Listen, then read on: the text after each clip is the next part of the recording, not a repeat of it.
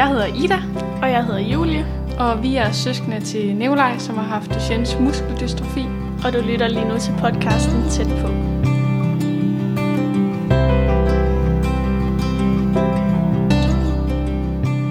Velkommen til. Du lytter til podcasten Tæt på, og jeg er din vært, Martin Sund. Nu får I anden del af mit afsnit med Julie og Ida, som er øh, Nikolajs søskende. I det her afsnit her får I lov til at høre den anden side af sagen i forhold til den beskrivelse, som Anbrit øh, gav omkring Nikolajs død og dagen, hvor det sker. Fordi øh, da Nikolaj han dør, så er Anbrit jo sammen med pigerne, og de er til det her stævne her. Øh, og i dagens afsnit, der skal, får I simpelthen lov til at høre fra pigerne selv, hvordan de oplevede, og hvordan de oplevede deres mor og deres far, øh, og egentlig hele, hele dagen, hvordan de oplever den, og hvordan deres soveproces har været. Øh, så jeg vil egentlig bare sige god fornøjelse, og så samler vi op på øh, hele, hele podcast øh, serien omkring Nikolaj her i slutningen af det her afsnit. Så god fornøjelse. Hej hej.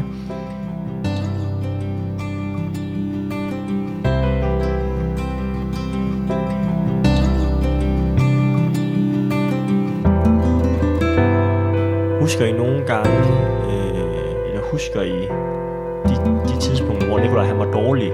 Altså hvor han øh, i forbindelse med hans sygdom ikke havde det særlig godt? Hvad for nogle følelser vagte det i jer, at I kunne se, at jeres bror havde det skidt? Altså, jamen, jeg har faktisk aldrig, ja, jeg har altid tænkt på, ligesom Ida siger, at det egentlig bare var et handicap, han mm. havde.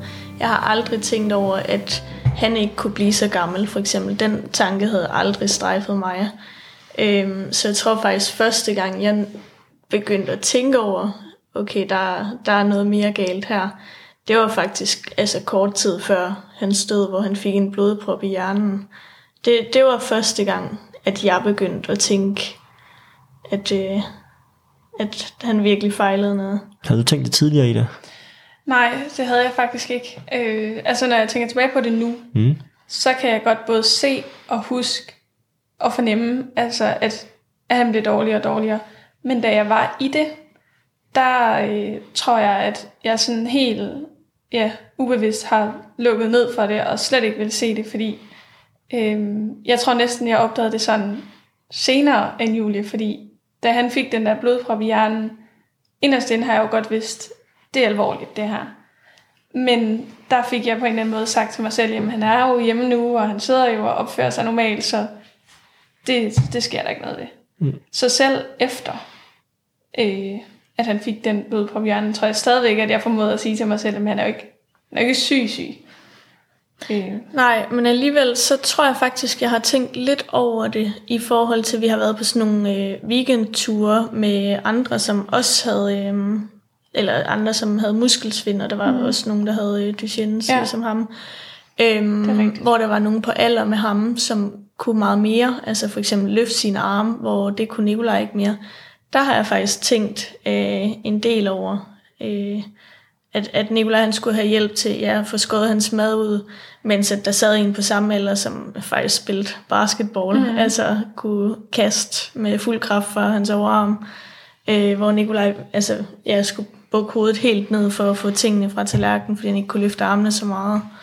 Der har jeg også tænkt en del over, hvad, hvad der lige var anderledes i forhold til, til ham og de andre, øh, der var med på de der weekendture. Gjorde det ondt at se, at ens bror var, hvad skal man sige, så hæmmet af det i forhold til nogle andre? Ja, det, Ja, ja, det synes meget. jeg.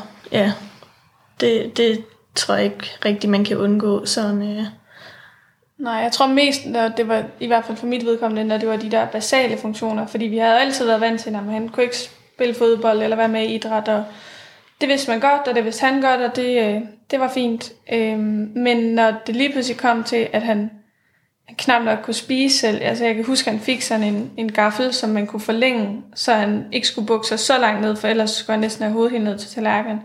Altså lige netop den gaffel, altså kan jeg nærmest se for mig, jeg får sådan helt ondt i hjertet, bare sådan ved tanken om det. Så de der helt basale, og at han ikke, altså at han blev nødt til at vække mine forældre om natten for at kunne komme på toilet, det er jo sådan en ting, man slet ikke tænker over. Altså de, de der Mm. helt basale funktioner, som alle skal kunne. Ja, eller At bare han ikke kunne klø sig på næsen. Ja. Det er i hvert fald det, jeg kan huske, han oftest Det har bedt om hjælp til. Og det er jo klart, fordi det tænker vi jo ikke over. Vi klør os jo bare. Ja. Men øh, det har jeg i hvert fald tænkt meget over. Så, så var der også i, øh, i skolen, da han ikke længere kunne, øh, kunne række hans hånd op, der øh, havde Nå ja. hans øh, klassekammerater, de havde jo så lavet sådan en... Øh, en sirene-agtig, så han bare skulle trykke på en knap, og så... Øh, Er det rigtigt? Ja, Ej, så-. Ej. Jamen, Det var det, så det, er så sødt af dem, så den lys, jeg kan faktisk ikke huske, om den også sagde en lyd, men øh, den Jeg tror, jeg, han selv kunne vælge, om der skulle være lyd på eller ej. ja, det er nok lidt farligt, når det er. men øh, den kunne i hvert fald lyse, og så, så var det jo ligesom, at han rakte hånden op. Så skulle han bare trykke på den lille Ej, hvor foran fantastisk. Ja, Ja. det var vi, eller jeg var i hvert fald mega rørt over det, kan jeg huske. Altså han Ja, havde at de ligesom fandt en bedste- løsning på ja. det. så gode klassekammerater. Helt vildt. Det, det er også noget, jeg tænker tilbage på, hvor jeg virkelig altså, synes, det var fantastisk gjort af dem. Ja. Ja. At de lige havde ryddet sig sammen om, at han skulle da også altså, kunne række hånden op Mm. i skolen, ligesom alle andre. Men når I blev ramt af det, lad os tage udgangspunkt i det der omkring blodproppen, og der hvor I begynder sådan at finde ud af, okay, det er ikke bare et handicap, men det er en sygdom. Er det uretfærdigheden i det, I bliver ramt af? Eller, eller hvad er det, der rammer jer, sådan vækker nogle følelser i jer? Er det vrede over, at, at han ikke kan det samme? Eller er det den der magtesløshed, at I ikke kan gøre noget? Eller Jeg tror både uretfærdighed og magtesløshed for, for mit vedkommende, fordi øh, for det første det med at være, altså være magtesløs, du, du kan ikke andet end at se til, og du kan også se, at dine forældre altså, har det rigtig hårdt. Altså sådan, de vil så gerne gøre alt, hvad de kan, og det vil man også selv, men der er ikke noget, du kan gøre. Og så urimeligheden i det. Altså, hvorfor kan jeg alt? Hvorfor er jeg helt normal? Og ja, det, det er jo bare urimeligt, at, at han skulle leve på den måde. Og specielt til sidst, hvor at, at det var så slemt. Ja, det, det er jeg også helt enig i. Altså der er uretfærdigheden, den fylder også i hvert fald en, en stor del. Øh, mm. ja.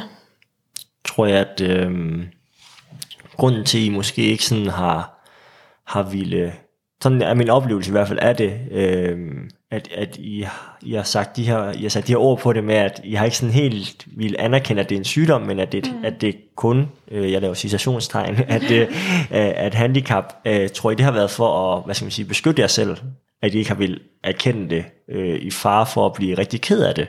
Øh, og det tænker jeg også er en helt naturlig ting. Ja, det, det tror jeg helt sikkert. Men egentlig så tror jeg også meget, at det er sådan, altså, at det egentlig også er vores forældre, der sådan meget har, ja, egentlig bare forklaret, hvad det gør ved sådan hverdagen, men jeg tror ikke rigtig nogensinde, de sådan egentlig har forklaret, at, altså, at det vil også have en ende på et tidspunkt. Det føler jeg i hvert fald ikke, at, at jeg har Nej. fået sådan på den måde. Jeg tror også, det er en, en god blanding af, at, altså, at der har været nogle ting, vi ikke har vidst. Altså jeg mindes, at jeg fik at vide, at når øh, vi vidste jo godt, at på et tidspunkt ville ramme hjertet, og det ville betyde sådan og sådan. Øhm, men der havde jeg jo en idé om, at, øh, eller vi fik at vide, at det var først, når man var oppe i 30 års alderen som regel, og når du får det at vide som 12-årig, så tænker man, at der er så lang tid til, det kan du slet ikke forholde dig til. Øhm, så jeg tror, det har været en god blanding af, ikke at helt forstå konsekvensen af det, men så også, at de små ting, man fanger, og begynder at ligesom forstå, at okay, det, det er meget alvorligt, så har jeg helt sikkert altså prøvet at beskytte mig selv, og, øh, og ligesom afskære mig specielt med blodproppen, for jeg er ikke i tvivl om, når jeg tænker tilbage på det nu, at jeg vidste godt, hvad det betød, at han fik en blodprop i hjernen, men på det tidspunkt, der gemte jeg det helt væk. Øh, fuldstændig. Og jeg tror virkelig, det var for at ja, beskytte mig selv, og måske har man inderst inden også haft en eller anden form for forståelse af, at når det nu er alvorligt, så ikke at jeg vil sige, at jeg godt vidste, at han ikke havde lang tid tilbage, for det gjorde jeg ikke, men sådan lidt underbevidst har jeg nok også tænkt, at hvis det har en ende, så er det også vigtigt, at alt er normalt indtil da. Hmm. Ja.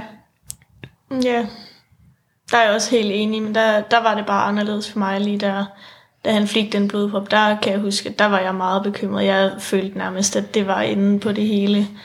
Øh, men igen, altså han kom hurtigt hjem, og ja, var jo bare den der humoristiske dreng, som ikke kunne lade være med at lave sjov med alt, så man følte jo bare, at han egentlig hurtigt var, var tilbage til sig selv igen. Men samtidig kunne man også godt se, at, at han var utrolig træt. Mm. Øhm, så, så det, jeg har tænkt meget over det, lige i den periode i hvert fald. Delte det med jeres forældre, at I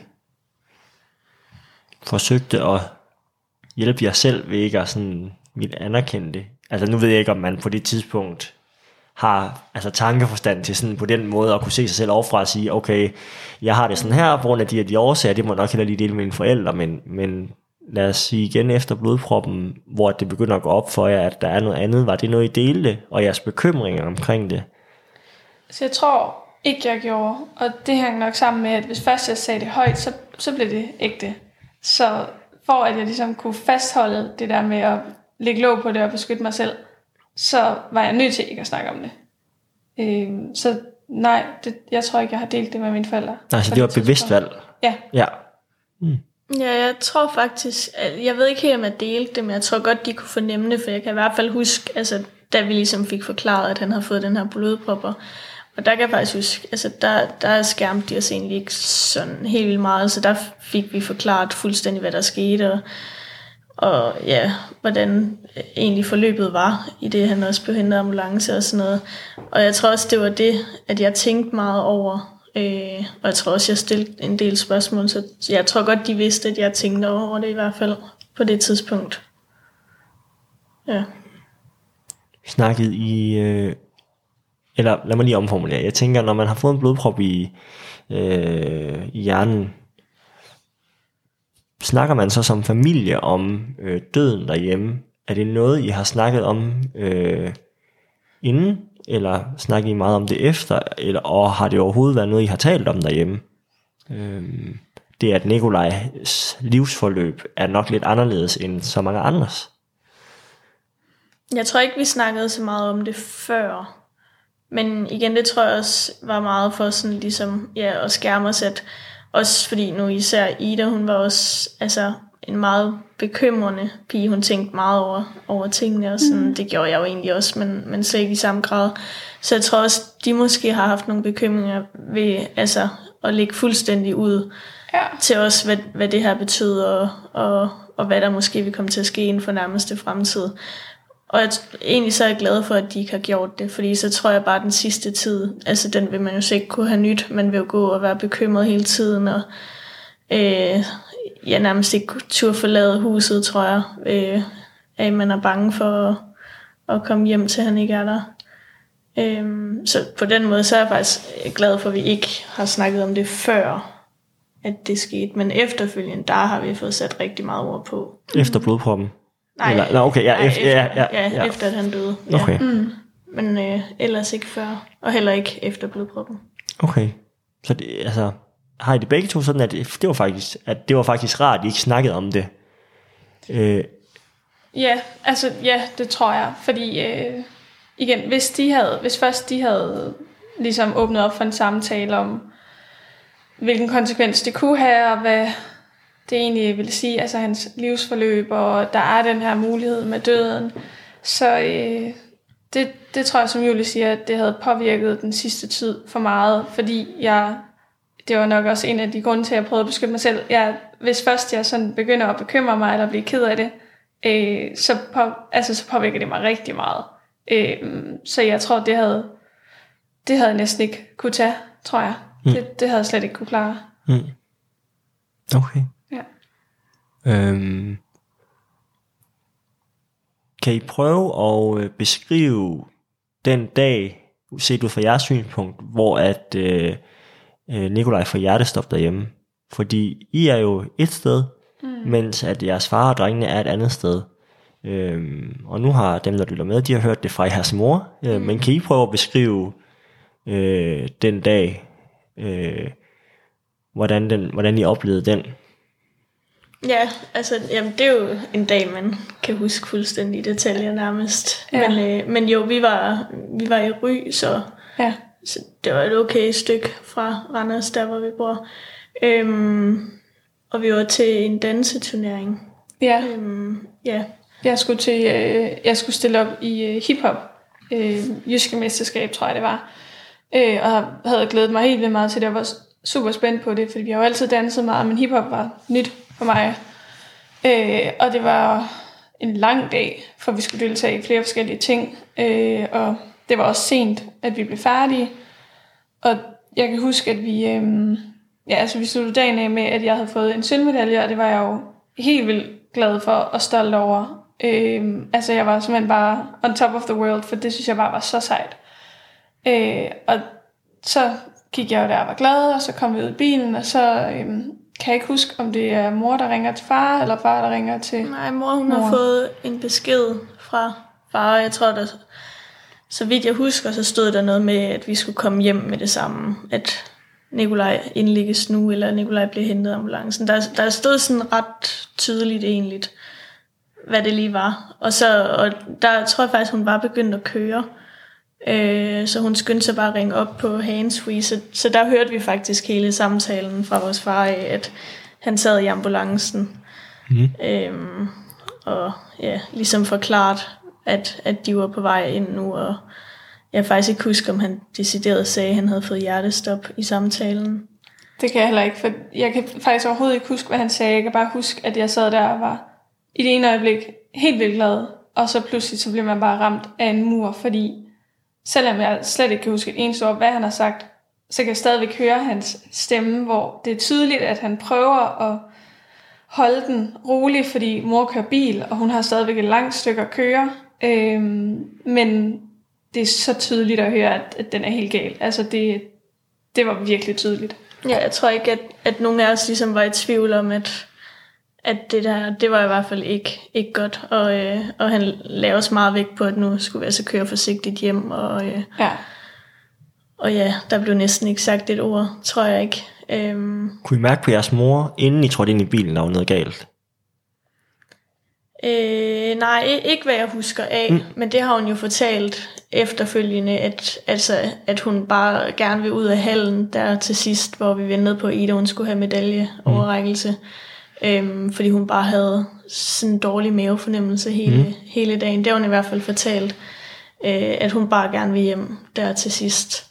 Øhm, men det var ikke noget, I det var registrerede? sådan, Nej, jeg, jeg tror, jeg var for meget sådan Ja. ja. op i... Øh, Mm. Ja, det tror jeg slet ikke, jeg har opfanget. nej, det tror jeg faktisk heller ikke, at jeg har. Husker I ellers noget fra køreturen hjem? Udover selve opkaldet. Altså, jeg kan, som jeg husker det, så var der ikke nogen, der sagde noget. Altså, jeg sad på forsædet, øh, og jeg kan tydeligt huske, at jeg sad, det var jo i januar, og klokken var ret mange, så der var helt mørkt, og månen var kommet frem. Og jeg husker egentlig bare, at jeg sad og kiggede op på månen hele vejen hjem, altså som jo føles uendelig lang, og bare var helt tom indeni. Øh, altså, jeg er egentlig ret sikker på, at jeg vidste godt, jeg var faktisk slet ikke i tvivl om, at han, at han var død.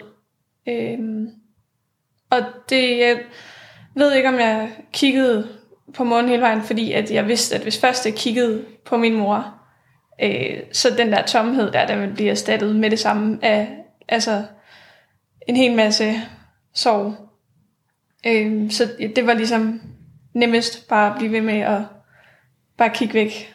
Øh, det er egentlig det, jeg husker fra køreturen, at jeg kiggede ud af vinduet hele vejen. Og ikke kigget på din mor. Ja. Fordi så vidste du, at Mm, det ville, det, ja, det ville ændre dine følelser. ja, ja. Mm. Hvordan kan det være, at du var så sikker på, at han var død? Var det en mavefornemmelse? Eller? Ja, det tror jeg. Okay. Altså, øhm, og jeg tror må- måske også, det var derfor, at lige netop det med månen og kigge op på himlen og sådan noget. Altså, jeg, jeg havde bare virkelig en fornemmelse af, at altså helt nede i maven, så øh, og jeg tror ikke engang, det hang sammen med sådan måden, min far han havde snakket på, eller noget. Det var bare, øh, jeg vidste det bare. Hvad, hvad, hvad husker du, Julie? Jamen, altså jeg husker heller ikke, at der egentlig blev sagt noget. Øhm, men, og det, det er mærkeligt, fordi egentlig i forhold til den samtale, som vi ligesom hørte, øhm, så der blev egentlig ikke sagt så meget alligevel, men, men alligevel så, så vidste man jo godt, at, at den var helt gal, og jeg tror faktisk også, at jeg var overbevist om, altså, at hvad vi ville komme op til. Øhm, jeg vidste godt, at det ikke bare var en blodprop igen eller noget. Øh, jeg tror faktisk også, at, at jeg var rimelig klar over, hvad det var. Og nok også, fordi man, man kunne tydeligt mærke det. Altså på min mor selvfølgelig, mm. og hele stemningen i bilen. Øhm, Ja, for hun, jeg tror også, hun vidste det. Altså, det har jeg nok tror også... ikke, hun var i tvivl der. Nej, og det har jo nok også bidraget til den der mavefornemmelse af, at den, hele den energi, der var i bilen, at vi sad egentlig tre mennesker og vidste nok egentlig godt, hvad der var sket, men der var ikke nogen af os, der havde styrken til at snakke med hinanden. Eller, altså, ja, du har næsten også sagt det i det, vi har snakket, at det her med at sige det, så bliver det virkelig. Ja, ja lige præcis. Øhm, jeg tænker så, jamen I sidder, der bliver ikke sagt så meget i bilen. Øhm, så kommer I op på sygehuset. Ja. Hvad husker I derfra, fra I parkerer bilen, og så... Ja. Øhm, jamen, der, er- vi parkerer jo bilen og skynder os ind og ja, ligesom ja, får spurgt efter, hvor han er. Øh, og der, der kan vi i hvert fald begge to huske, at det, det var en meget altså, ubehagelig oplevelse at blive set håndteret altså, korrekt, for der blev vi vist hen i, øh, i skadestuesområdet. Og, Ja, i altså, der. vi sad jo alle tre og, og tudede løs og vidste slet ikke, hvad vi skulle gøre os selv, mens der sad en dreng klods op af mig, der havde skåret sig i fingeren. Altså, mm. og, altså, alle stirrede jo, kunne ikke forstå, hvad der skete. Der, der, og vi sad der sikkert ikke særlig længe. Men jeg føler, at vi sad der rigtig længe, mm. og bare ventede på, at der kom nogen og hentede os. Øhm, og der, ja, der kom så en sygeplejerske, tror jeg, mm. øh, og hentede os. Og ja, det første min mor hun spurgte om, det var, jeg tror hun spurgte, hvordan han har det, eller sådan noget. Og der, der sagde hun, vi går lige herind og snakker. Og der tror jeg godt, at der vidste vi alle sammen godt. Ja, så fik vi ligesom bekræftet mavefornemmelsen. Og hvor gamle er I der, spørger din. Der er vi 13. Okay. Ja. Men der har I en helt klar mavefornemmelse om, at da, mm. da sygeplejersken siger, at I skal ind og snakke et andet sted.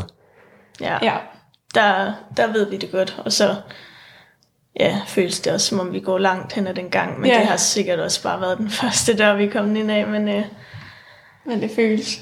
ja. Ja. Og så ser vi jo så vores far og, og hans ven, som vi egentlig skulle have haft besøg af om aftenen. Så han sidder også derinde med ham. Og der tror jeg faktisk ikke, vi er i tvivl. Jeg tror faktisk ikke, der er nogen, der siger det højt. Nej, det ved jeg heller ikke om. Jeg kan ikke huske, at der er nogen, der har sagt, ja, han er død. Nej, Og det har der jo nok været. Men Man har ikke kunne tage det ind, måske. nej. nej. Nej, jeg tror, der kunne vi i hvert fald se vores fars ansigt. Det sagde Ja. ja. det hele, hvad der var sket. Ja. Men ja, hvad, hvad øh, får I lov til at se, Nikolaj?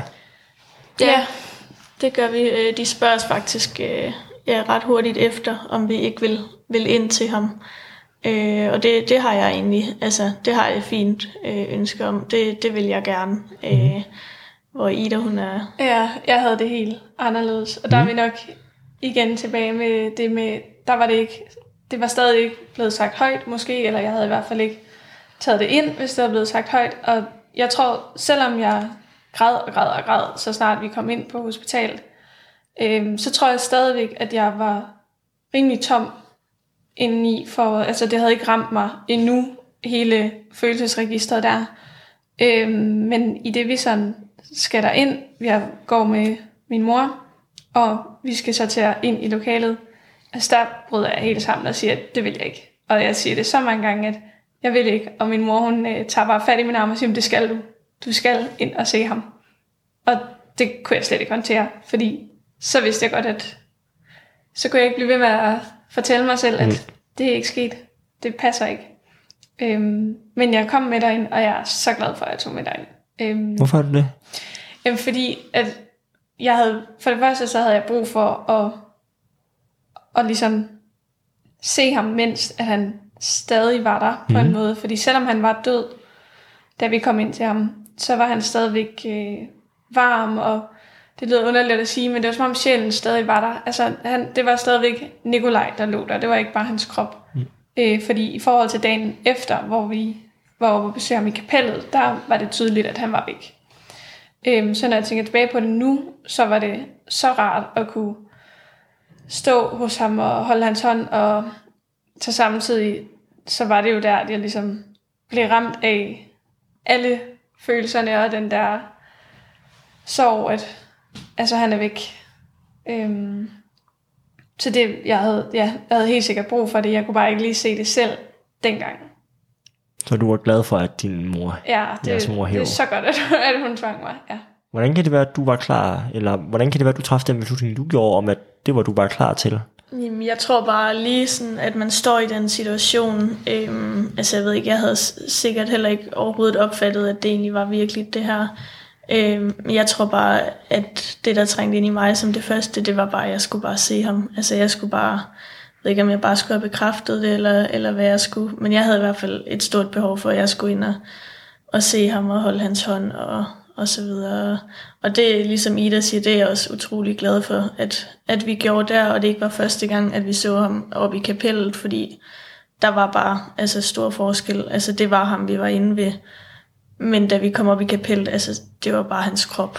Der, mm. der var der, der var han ikke, ikke mere.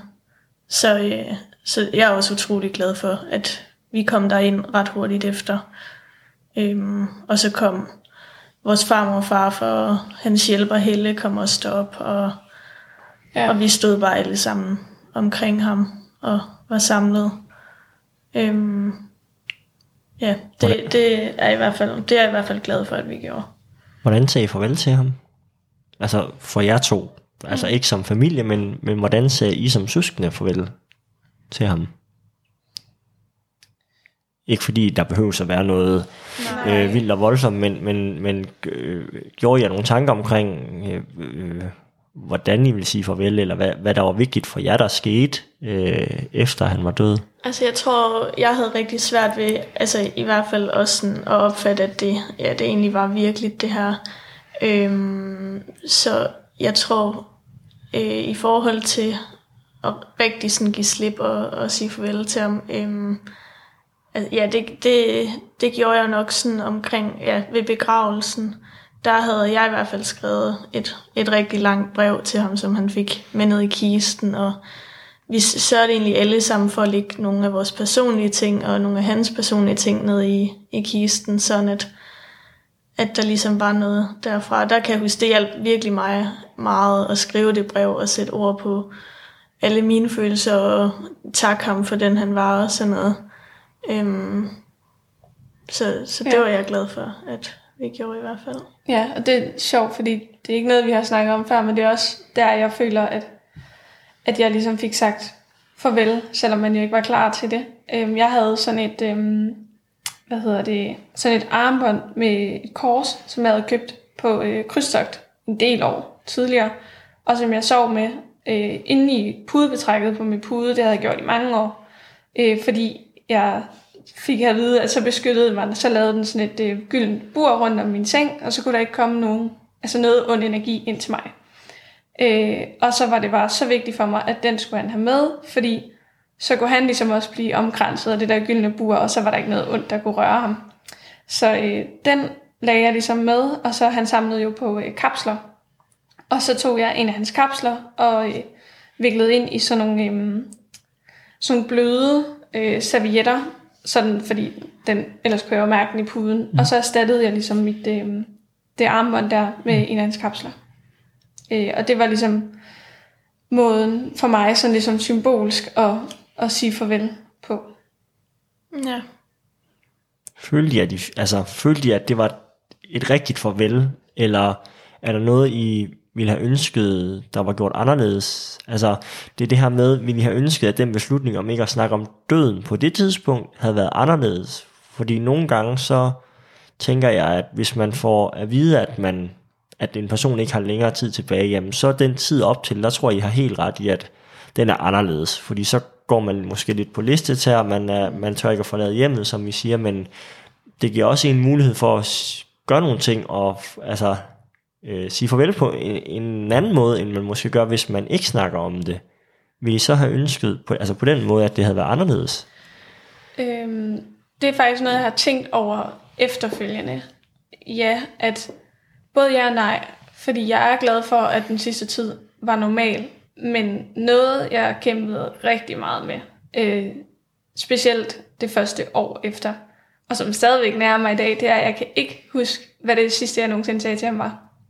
Jeg aner det ikke. Og jeg tænkte over, dengang han lige var død, at jeg faktisk ikke kunne huske, hvornår jeg sidst havde snakket med ham heller. Var det dagen før, eller var det gået endnu længere tid? Og, altså, det gik mig virkelig meget på. Øh, og gør det også stadigvæk nogle gange. Altså sådan, det er hårdt at vide, at jeg ved faktisk ikke, om det sidste, jeg sagde til ham, var flyt dig, du står i vejen, eller, mm. altså, eller om det var godnat, så godt. Det, så på den måde, så hvis vi havde vidst det, og vi havde snakket om det i talesæt døden, og min mor har jo også sagt efterfølgende, at hun vidste godt, der ikke var lang tid igen. Og hvis vi også havde vidst det, så havde jeg måske haft en mere, som du siger, en mulighed for at få sagt de ting, man gerne vil. Øhm, så, så både og. Altså, mm. det er sådan lidt, at det ville jeg godt have gjort, men på den anden side er jeg også glad for, at, at det hele var så normalt som muligt, fordi det var måske også det, Nikolaj havde altså brug for. Mm. At vi de netop ikke begyndte at handle, altså behandle ham anderledes. Ja, nej, men der er jeg også øh, helt enig, fordi det, jeg kan faktisk heller overhovedet ikke huske, altså også fordi vi tog afsted så tidligt om morgenen, så jeg ved i hvert fald, at vi ikke snakkede med ham den dag. Mm. Øhm, men der kan jeg heller ikke huske, hvad vi egentlig lavede sådan dagen før. Øhm, men jeg tror også bare, jeg, jeg tror bare stemningen, den havde været helt anderledes, hvis vi alle sammen havde i tale sat, at der ikke var særlig lang tid igen. Øhm, jeg tror bare, jeg tror stemningen, den, den havde bare været mere trist i forhold til, at vi bare havde havde ladt det være hverdag og, og bare ja, haft det sjovt, og, øh, som vi nu havde. Øhm, men i forhold til sådan vores mor, fordi hun vidste, hun vidste jo godt inderst inde, og det har hun jo også sagt, at om morgenen, hvis der var gået nogle timer fra han havde kaldt, når hun havde nattevagten, altså hun turde jo ikke gå derned, fordi hun var bange for, at, at han lå øh, livløs nede i sengen. Og det, det tror jeg også, altså det ville også have været øh, alt for bekymrende for mig at gå med de tanker, hvis jeg skulle om morgenen stå op, og hvis han ikke lige var kommet op til morgenmaden. Altså, jeg tror, jeg havde gået med alle de bekymrende tanker. Jeg havde ikke turde tage i skole, eller noget som helst, hvis han ikke øh, var med. Så jeg tror, det var meget godt, at vi ikke vidste det. Men ja, på den anden side, så, så kom det også altså, bare som et kæmpe, kæmpe chok. chok. Altså, ja. det var jo bare en dør lige i hovedet der. Mm den dag, også fordi vi slet ikke havde set den komme jo. Men, øh, men jeg tror, det var meget godt i sidste ende. Så det er sådan en følelse af, af dobbelthed i det. Mm. Øhm, en blanding af, af chokket over, at man mister sin bror. Altså jeg tænker jo, det er på alle måder helt ja. urealistisk og utopisk, at man, man skal det. Øhm, men samtidig også en, i, I sidder også med en, virker det til en følelse af, at I var glade for den sidste tid, at den var så mm. normal, som den var. Fordi det fjernede egentlig en masse bekymringer fra jeres øh, skuldre. Mm. Men alligevel så, ja, det er jo, altså, jeg tænker, at, øh, at man, jeg tror ikke, ikke rigtigt, man kan forberede sig på, altså det at miste, øh, også selvom man i tale sætter det. Øhm, mm. Jamen, hvornår så den sidste dag, hvor vi så skal sige ja. det sidste farvel? Altså, det, det, er det i dag, er det i morgen? Øh, hvornår er det? Ja, det er også det. det jeg tror også det mest, øh, altså er sådan nu voksendelen af mig, der synes, at det kunne have været rart. Altså når jeg tænker tilbage på, hvor jeg var på det tidspunkt, og hvordan jeg ligesom havde det i det hele, så er jeg slet ikke i tvivl om, at det var den rigtige beslutning, at vi ikke snakkede om det. det men, men det er nu, hvor man er blevet ældre, og man kigger tilbage på det, at man godt kunne have, kunne have ønsket at vide lidt mere. Men som du selv siger, så, øh, altså selvom min mor også godt havde en fornemmelse af det, så var hun jo også stadigvæk, altså var det jo også et chok, fordi man ved ikke, hvornår, hvad er den sidste tid? Er, det, er der en uge, er der en måned, er der et halvt år? Det, det er slet ikke til at vide. Nej, på den anden side, så, så tror jeg egentlig også godt, altså, at vi var lidt klar over det på den tid. Øh, fordi også nu, når man ser tilbage og og snakker lidt om det også blandt andet den sidste jul, der er øh, vores bedsteforældre, de, de i hvert fald, øh, de har ofte nævnt, at da de tog fra os den aften, der snakkede de om, at, at det måske var sidste gang, øh, de havde set ham. Mm. Øhm, så, så der er egentlig mange omkring os, som har tænkt det, og som sagtens har kunne se det på ham. Så jeg kan ikke lade være med at tænke på, at, at et eller andet sted, så må jeg også have tænkt det på et eller andet punkt, men hurtigt lagt det frem mig igen, øh, fordi sådan noget sker ikke for mig. Mm. Øh, det er også meget at altså, tage ind som 13-årig. Øh, ja. Altså den der erkendelse af, at man, man, øh, man har en bror, som er rigtig syg. Altså det har vi lidt været inde på, det her med at ville, altså det der med at kunne se, at, øh, at ens bror er syg, og man mm. på et eller andet tidspunkt i nær fremtid kommer til at miste ham. Øhm, fordi jeg, altså I har jo gået op og ned af ham hver dag. Øh, og har jo set alle de her situationer, hvor han har haft brug for hjælp og, og sådan, og jeg kan huske, at jeres forældre beskrev, en, altså beskrev, jeg kan ikke huske, om det var nytårsaften, hvor at de, de gav en meget karakteristisk beskrivelse af hans blik, at han, mm. hans, han på nogle tidspunkter øh, var sunket ind i sig selv. Ja. Er det noget, I husker sådan? Det er ikke noget, jeg sådan husker, men nu tog vi mange hjemmevideoer og tog mm. rigtig mange billeder og sådan noget. Øh, og på alle de billeder, der egentlig er mellem øh, jul og nytår, altså der kan du tydeligt se, at han er et helt andet sted mm. i hans tanker. Og som du også selv siger, han er sunket fuldstændig ind i sig selv.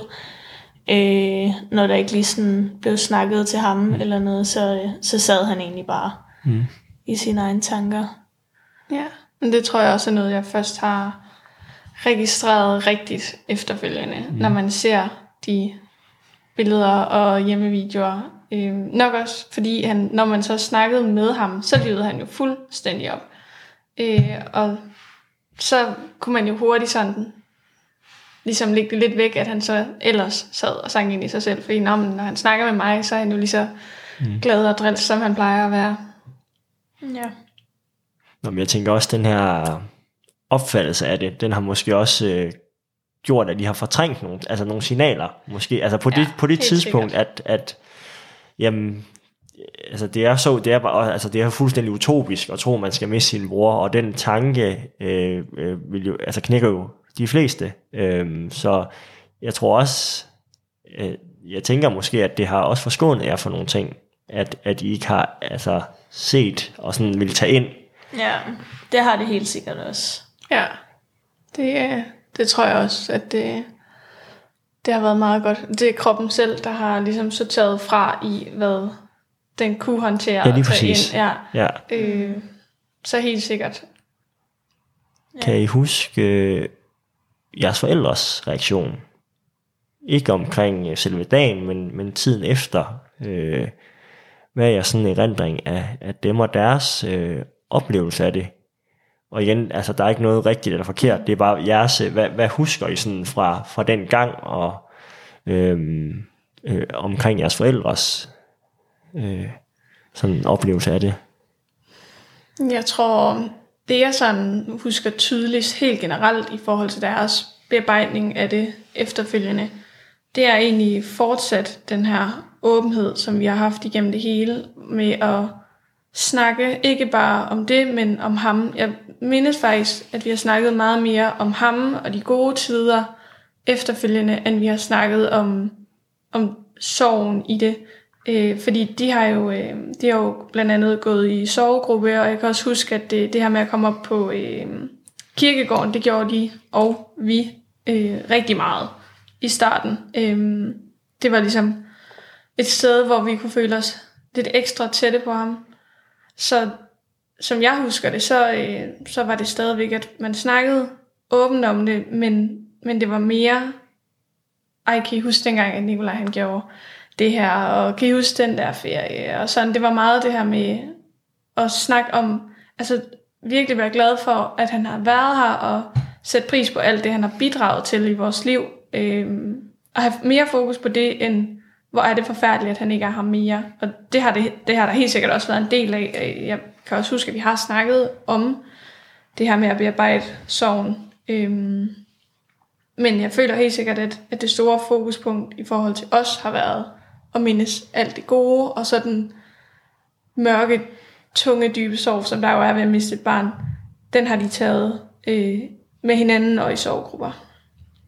Ja, det er helt sikkert også sådan. Altså, at jeg husker, de har i hvert fald brugt sovegruppen øh, rigtig meget, trods mm. den har hjulpet dem ekstremt meget, men det er også ligesom det her fokus, øh, som de også har gjort øh, tydeligt, at øh, man ligesom fokuserer på, alt det gode, han har oplevet, alt det gode, som vi har oplevet sammen med ham, i stedet for ligesom at fokusere på, hvad han ikke når at opleve, og hvad vi ikke når at have ham med til, så har vi ligesom forsøgt at vende den ved ligesom at se øh, glæden i det liv, han har haft i forhold til, til det, han ikke har nået.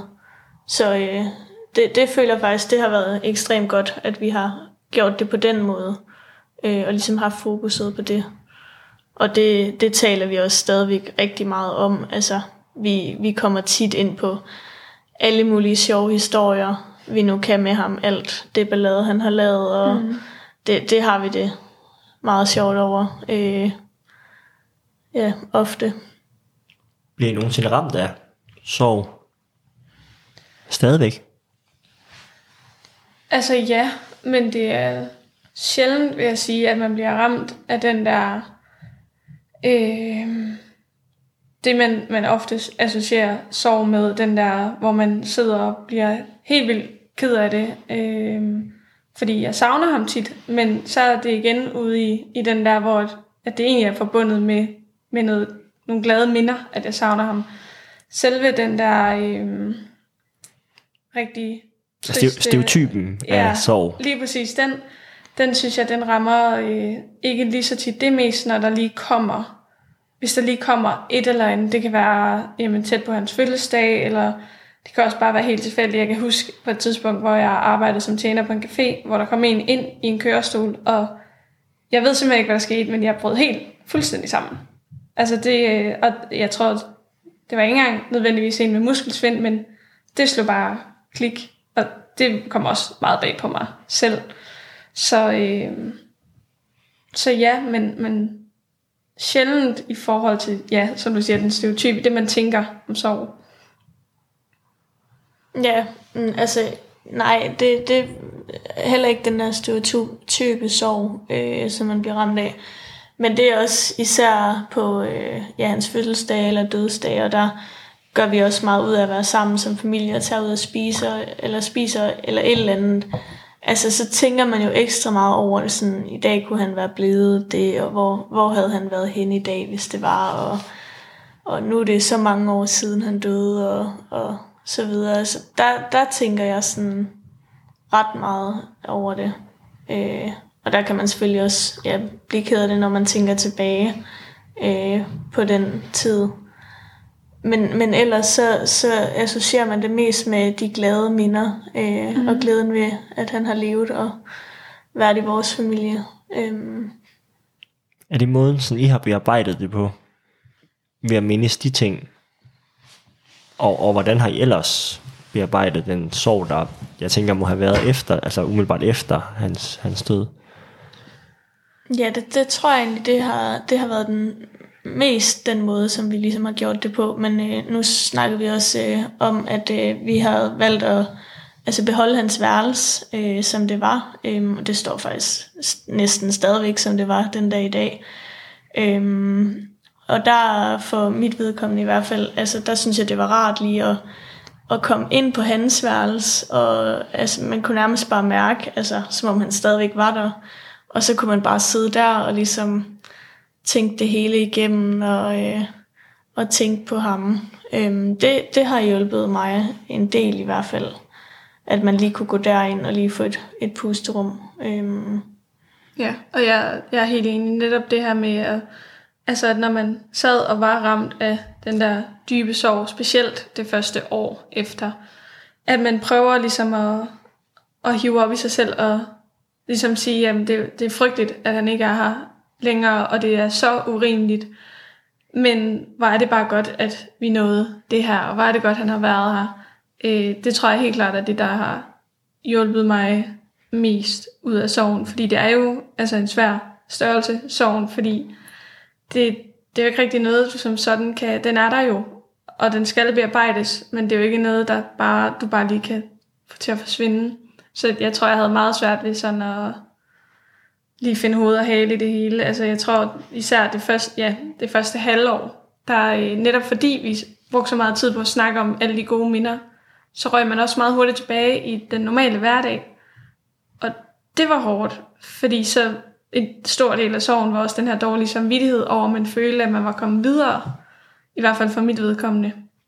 At hvordan kunne vi bare sidde og spise aftensmad som normalt, og hvorfor kunne jeg gå i skole og sidde og grine med mine veninder, når han ikke var her længere, og det var ikke mere end fire måneder siden. Altså, så det var helt sikkert, øh, helt sikkert godt, at vi mindes alle de gode tider, men, men det gjorde også, at man nogle gange blev ramt af sådan en, at er jeg forkert, fordi jeg ikke sidder og græder hele tiden. Øh, altså det, sådan havde jeg det i hvert fald. Ja, sådan har jeg helt sikkert også haft det. Altså hvis man virkelig bare har haft en sjov dag, og især den der tid efterfølgende, øhm, at man så om aftenen, når man går i seng og ligger og tænker, at man lige pludselig kan komme til at tænke på, gud, jeg har slet ikke lige altså, fået tænkt på ham i dag. Altså ligger man bare for så dårlig samvittighed over det, og er det helt forkert af mig at, at gøre det på den måde. Øhm, mm. det, det har nok været også en ja, meget svært i hvert fald. Hvordan man lige skulle håndtere det hele, og hvad, hvad der var normalt. Men igen, som Ida også siger, sorg er bare, altså det er bare meget forskelligt, hvordan man håndterer det fra person til person. Brugte I hinanden meget? Det ved jeg faktisk ikke helt. Sådan, hmm. Jeg tror mere, jeg brugte min mor, end jeg brugte Julie. Mm. Og jeg tror primært, det skyldes, at min mor var meget, altså vores mor var meget hurtig til at se, når der var noget galt. Jeg tror mere, det var hende, der kom til mig, end, end omvendt, sådan som jeg husker det i hvert fald. Øh, men jeg, jeg ved, jeg har snakket med hende om især det der med samvittigheden og den normale hverdag og sådan noget. Øh, så der brugte jeg i hvert fald hende øh, en del. Men jeg tror faktisk generelt ikke, at vi to har snakket helt vildt meget om hinandens opfattelser af Nej, det tror jeg egentlig heller ikke, vi har. Men det er også igen det med, at vi egentlig sådan har håndteret det meget forskelligt, mm. mig og Ida, hvor Ida, hun, altså hun vil gerne snakke om det, og ja, kunne også snakke med mor om det, og dine veninder og sådan noget. Hvor at det, det kunne jeg måske ikke helt, og jeg ved ikke hvorfor, det, det havde jeg måske ikke så meget lyst til, at skulle sidde og åbne op på den måde. Øh, nok også fordi jeg vidste, at jeg ville blive ked af det igen, ved at sidde og snakke om det, og det kunne man måske ikke altid lige overskue. Øh, men, men selvfølgelig har jeg også snakket med vores mor en del om det. Men, øh, men jeg brugte lærerne på skolen rigtig meget. Og der, øh, vi havde også lige fået en ny klasselærer, øh, som også var helt fantastisk, og som også hele tiden tog fat i mig. Øh, og sørgede også for, at jeg fik snakket med en AKT-lærer en gang imellem, som også øh, ja, hjalp mig en del. Og at så kunne jeg snakke med en, som egentlig ikke var så tæt på mig. Men, en tredje part. Ja, lige præcis. Det tror jeg faktisk hjalp mig rigtig meget. At jeg ligesom egentlig bare kunne sige alt, hvad jeg følte, uden at skulle tænke over, hvem man egentlig sagde det til, og, og hvordan personen selv tænkte om det. Øhm, det hjalp mig en del, hvor du har snakket lidt mere med, med veninder og ja, dem, der var tæt på. det. Ja. Har det været rart for dig at have den her åbenhed omkring det over for dine veninder? Ja, det, det synes jeg, altså det tror jeg, jeg havde rigtig meget brug for. Øh, det var faktisk næsten noget af det, jeg synes var sværest lige efter, fordi vi var jo børn, og det, det var vores veninder også. Øh, og jeg bebrejder dem overhovedet ikke, men der var jo rigtig mange, der slet ikke vidste, hvad de skulle gøre af sig selv. Og så var den nemmeste løsning for dem ligesom at trække sig væk og lade være med at spørge om det, fordi åh nej, hvad nu, så bliver hun bare ked af det, og det kan vi ikke have. Og der var det bare vigtigt for mig at få sagt til alle mine veninder, at jeg har brug for at snakke om det. Øh, og jeg har brug for, at I er her, og at jeg godt må snakke om det, og at I skal ikke blive... Altså synes, at det er ubehageligt, hvis jeg begynder at græde, fordi det, det, det kan jeg sagtens. Og, altså, det, det havde jeg rigtig meget brug for. Øh, ja, hvor det så var noget anderledes for dig. Så jeg tror især mine veninder brugte det rigtig meget. Mm, men det er jo også meget det der med, at, at der var du god til ligesom at fortælle dem, altså I må gerne spørge ind til det, fordi det oplevede jeg jo også, altså at de nærmest gik lidt på liste til at rundt om en, og altså ikke vidste, hvad de måtte spørge om, og hvordan har hun det nu i dag, og sådan noget. Og så de trækker sig jo lidt væk på den punkt, og når jeg så også samtidig trækker mig væk fra dem, så, så, så bliver det jo bare svært. Øh. I have ønsket, de havde spurgt jer Det, det vil jeg nok. Men igen, at se det fra deres side, hvis det var mig, som var veninde til en, så ved jeg heller ikke, hvordan jeg havde reageret. Fordi det, det der med, det er ikke noget, man lige har prøvet før, hvordan skal man reagere, og hvad vil hun snakke om det? Vil hun bare have at lade være og lade som om det ikke er sket? Altså, så jeg kan godt følge dem, men jo, jeg vil, da, vil godt have snakket lidt mere om det. Det, det er der ingen tvivl om. Mm, ja, altså man kan sagtens forstå, at hvorfor de valgte at trække sig lidt og ikke spørge og sådan noget, men øh, det er jo heller ikke til at vide, hvad folk har brug for, men øh, det var i hvert fald vigtigt for mig at sige til dem, vi ikke nok snakke om det med mig, det må I godt. Ja. Mm. Mm. Hvis I kigger tilbage på, på hele forløbet, øh, fra I, øh, I bliver søskende til Nikolaj og til, øh, til nu, hvis I så skal prøve at give noget videre hver især til nogle andre, som måske står i samme situation som jer, som øh, måske har en søster eller en øh, bror, som er syg, øh, eller øh, hvis I skal give noget videre til øh, nogle forældre, som har nogle børn, så, øh, altså, som har nogle børn, hvor den ene af dem er syg, hvad vil I så gerne give videre af det, som I har lært igennem hele forløbet? Øh, Ja, altså jeg har i hvert fald lært at virkelig sætte pris på, at vi har snakket så meget om det. Altså i tale sat det og virkelig gjort det tydeligt, at hvis man havde nogle spørgsmål, så var det okay, og hvis man havde nogle følelser omkring det, så var det også okay at fortælle dem.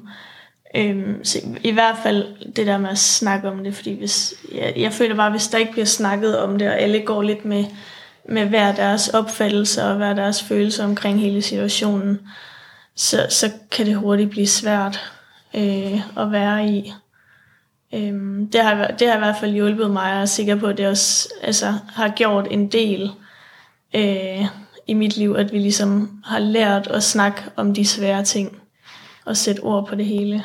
Er det rigtigt forstået, at det skal forstås på, altså på begge fronter, at, det, at du synes, det har været vigtigt, at forældrene har i tale sat, at det er okay, man kommer, mm. og at det har været vigtigt for Altså for, at det også er vigtigt, at børnene kommer med, med, med det, de nu har lyst til at tale om i forhold til det. Er det ja, ja, lige præcis. Mm? Lige præcis, ja. Ja, og jeg er egentlig helt enig. Øh, og specielt i forhold til øh, det her med, som vi også snakker om, med, om man har følt sig overset eller tilsidesat, øh, at der er måske nogen, der ikke har en tvillingesøster at læne sig op af, det kan jo godt være, at man, man er alene søskende. Det ved vi da i hvert fald, øh, at der var nogen, der var øh, på de der weekendture. Øhm, hvor at man måske godt kan have en større tendens til at føle sig tilsidesat og overset. Og der tror jeg bare, det er vigtigt at sige, jamen, egentlig både til forældrene og til dem, at det er noget, der er vigtigt at snakke om. Og ligesom øh, forklare gjort, at man skal ikke have dårlig samvittighed over at sige, jeg har også brug for dig, mor eller far. Jeg, jeg er her også, og det er okay, selvom man godt ved, at der er en søskende, der har brug for noget mere hjælp og noget mere opmærksomhed, at så skal man også huske, at det har man også selv. Man har brug for en form for nærhed og opmærksomhed til en vis grad, øh, og det skal man aldrig have dårlig samvittighed over at, at ligesom tale højt om, fordi det er okay. Mm. Ja.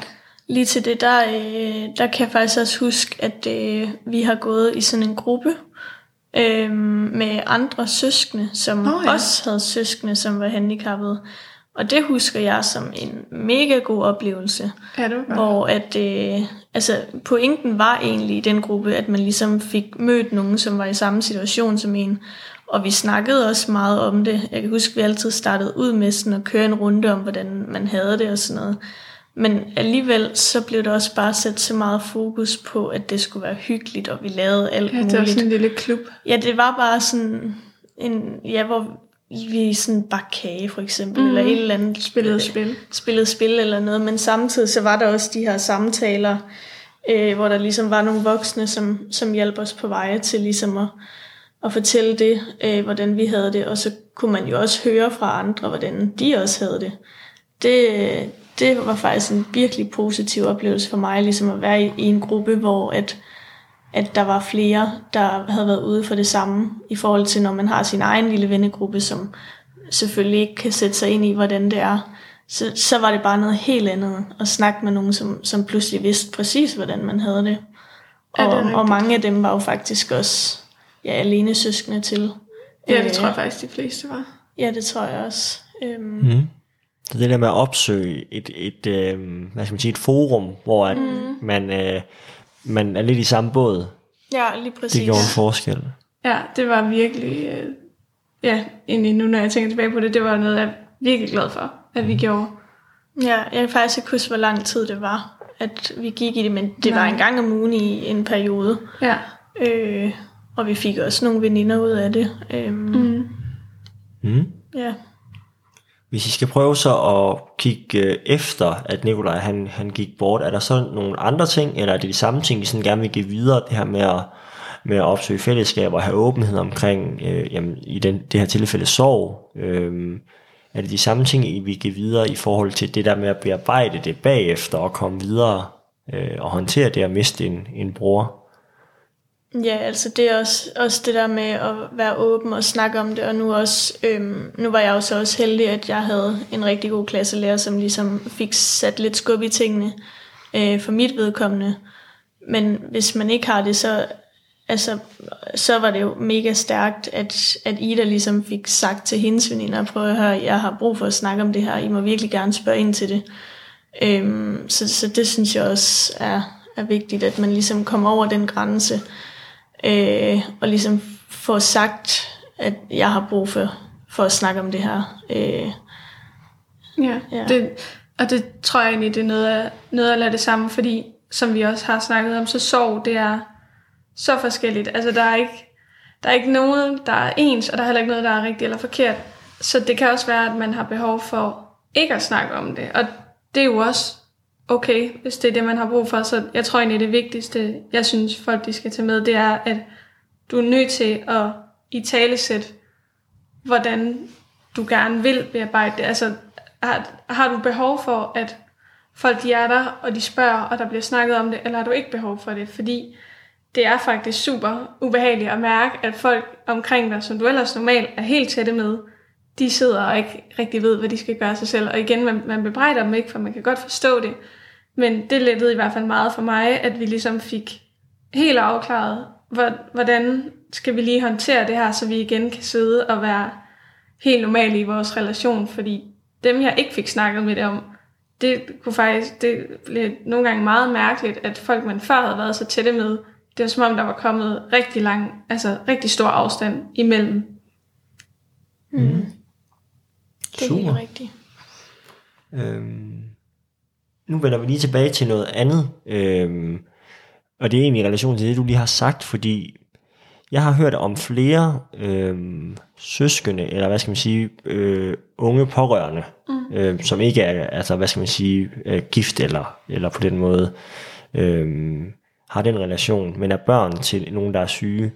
Og det her med at snakke med nogens, øh, ens venner om det, der har jeg hørt, at man ikke ønsker at få medlidenhed, altså de andres medlidenhed, altså vennerne skal ikke ynke en, fordi man har en syg, øh, syg bror eller, eller en anden pårørende. Er det noget, I har stiftet bekendtskab med, det her med ikke at ville ønske at modtage ynk? Øh, ja, det vil jeg sige. Og jeg tror måske også, det... Øh, jeg tror måske, at jeg opfattede det meget som sådan noget øh, medlidenhed og ynk, når folk de trak sig væk, fordi uh, nu skal vi også passe på hende, og nu skal vi være forsigtige. Og Julia og jeg snakkede faktisk om her forleden, at øh, vi gik jo på den skole, hvor alle kendte Nikolaj. Og kort tid efter, hvis du gik op på biblioteket og sådan noget, du kunne, selvom du ikke kiggede, du kunne mærke, at folk omkring dig, de kiggede, og altså den, en helt særlig form for energi, hvor den, du kan virkelig mærke, at de kigger og tænker, åh, men det er også hende, der lige har mistet, og, og det, øh, ja, det havde jeg ikke brug for, og slet ikke fra mine tætte veninder, øh, altså medlidenheds øh, ynk, ja, nej, det havde jeg ikke øh, brug for, det ville jeg rigtig gerne være fri for, Mm. også selvom det var i den bedste mening. Jeg har også nogle gange hørt det i forbindelse med samtaler, at man ikke ønsker at snakke om, at man har en, i jeres tilfælde, en syg bror, fordi så er man bange for, at det kommer til at handle om, om det var også synd for dig, at han er syg og sådan. Er det, er det også noget, I sådan, kan I genkende til, at ikke at ville på den måde snakke om det, fordi man ikke ønsker at modtage den form for medlidenhed eller ynk, eller, eller hvad skal man sige, ønske at blive bekræftet i, at ens bror er syg? Jamen, ja, det, det er det da helt sikkert. Det er også igen det der med, når man ligesom kommer ind på det, at, at folk, de, de ved ikke helt, hvad de lige skal sige, og hvad de må sige, og, og det ligger sådan lidt i det, at, at det er sådan lidt medlidenhedsagtigt, og at de ikke helt tør at, at gå så tæt på øh, lige på det punkt. Som man måske ønsker, altså, eller hvad? Altså, ønsker ja. man at blive, altså, blive spurgt ind til sine dybeste følelser omkring det at have en syg bror? Altså eller... nok, nok ikke lige på det punkt, mm, mm. ikke for mit vedkommende. Mm. Så, så var det mere efterfølgende, mm. at man måske ønskede, at, at folk de egentlig bare spurgte ind til det, i stedet for at, ja. at det bare blev helt, helt akavet om, omkring det. Mm. Og igen, man forstår dem jo godt, fordi jeg ved heller ikke, hvordan jeg selv havde reageret jo. Men, øh, men nej, man, man ønskede nok bare, at, at de bare, bare spurgte ind til det. Mm. Og, øh, og bare lyttede, og så... Øh, så var det det.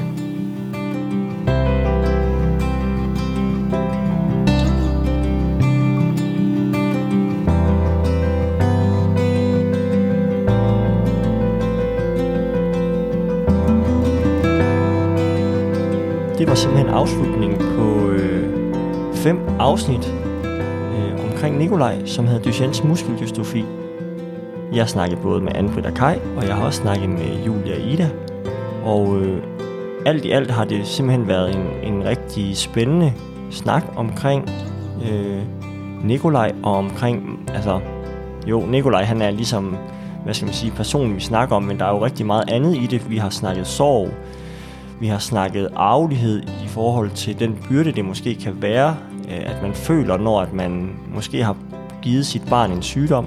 Vi har snakket med søskende, som har fortalt om, hvordan det bare at have en bror som Nikolaj, og hvordan det ligesom følelsesmæssigt påvirkede dem, og hvordan de oplevede deres forældre at være i, i forløbet. Og jeg synes egentlig, at at komme hele vejen omkring, det synes jeg egentlig, vi har været. Og hvad skal man så tage med sig fra, fra de her afsnit her? Det er jo meget op til, til jer øh, lyttere, hvad I har lyst til at tage med. Jeg håber, I kan tage et eller andet med herfra. Jeg synes, at det at få begge vinkler på det, både fra søskende, men også fra forældre, synes jeg kan være utrolig givende, og jeg synes især, som jeg har sagt tidligere, at Anne-Britt og Kajs beskrivelse af det at gennemgå sorg og være i den proces, synes jeg var rigtig, rigtig god, og med al den viden, som, øh, som man har som sygeplejerske, så er jeg helt enig i måden, de har håndteret det på, og, og specielt det her med, at man, man, man sørger forskelligt og det er okay at være forskellige øh, i den her soveproces, fordi man, man gør det bare på forskellige måder. Der er ingen rigtig, forkert, rigtig eller forkert måde at gøre det på. Øh, og det er bare rigtig vigtigt at understrege. Selvom man som, som hvad skal man sige, mand eller kone godt kan føle, at, at den anden part gør det forkert, eller hvad skal man sige, så er der altså ikke noget rigtigt eller forkert i forhold til at sørge.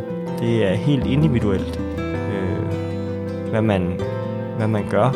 Øh, jeg synes, det er vigtigt, at man snakker om det øh, som par, som familie, at man ligesom kommer igennem processen sammen, så godt man kan.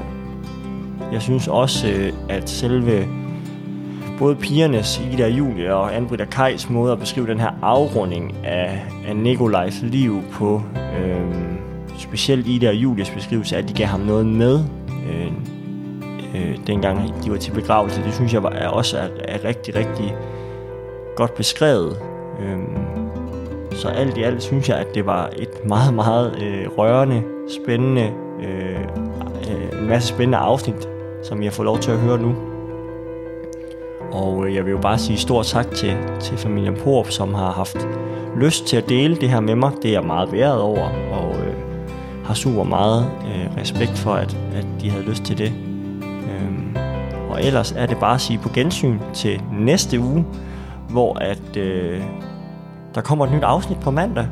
Og øh, onsdag, som sædvanligt. Og I kan læse på Instagram, hvad for en øh, person det er, vi skal høre fra, hvad for en sygdom det er, vi sætter fokus på der. Øh, jeg glæder mig meget til at udgive det næste afsnit. Også det er mindst lige så spændende som øh, det med øh, omkring Nikolaj. Øh, så I kan godt glæde jer. Så jeg vil egentlig bare sige øh, på gensyn, og husk at gå ind og like Instagram, hvis I ikke har gjort det. det den hedder podcasten tæt på. Søg på det, og så kommer den frem. Vi, øh, vi ses. Hej hej.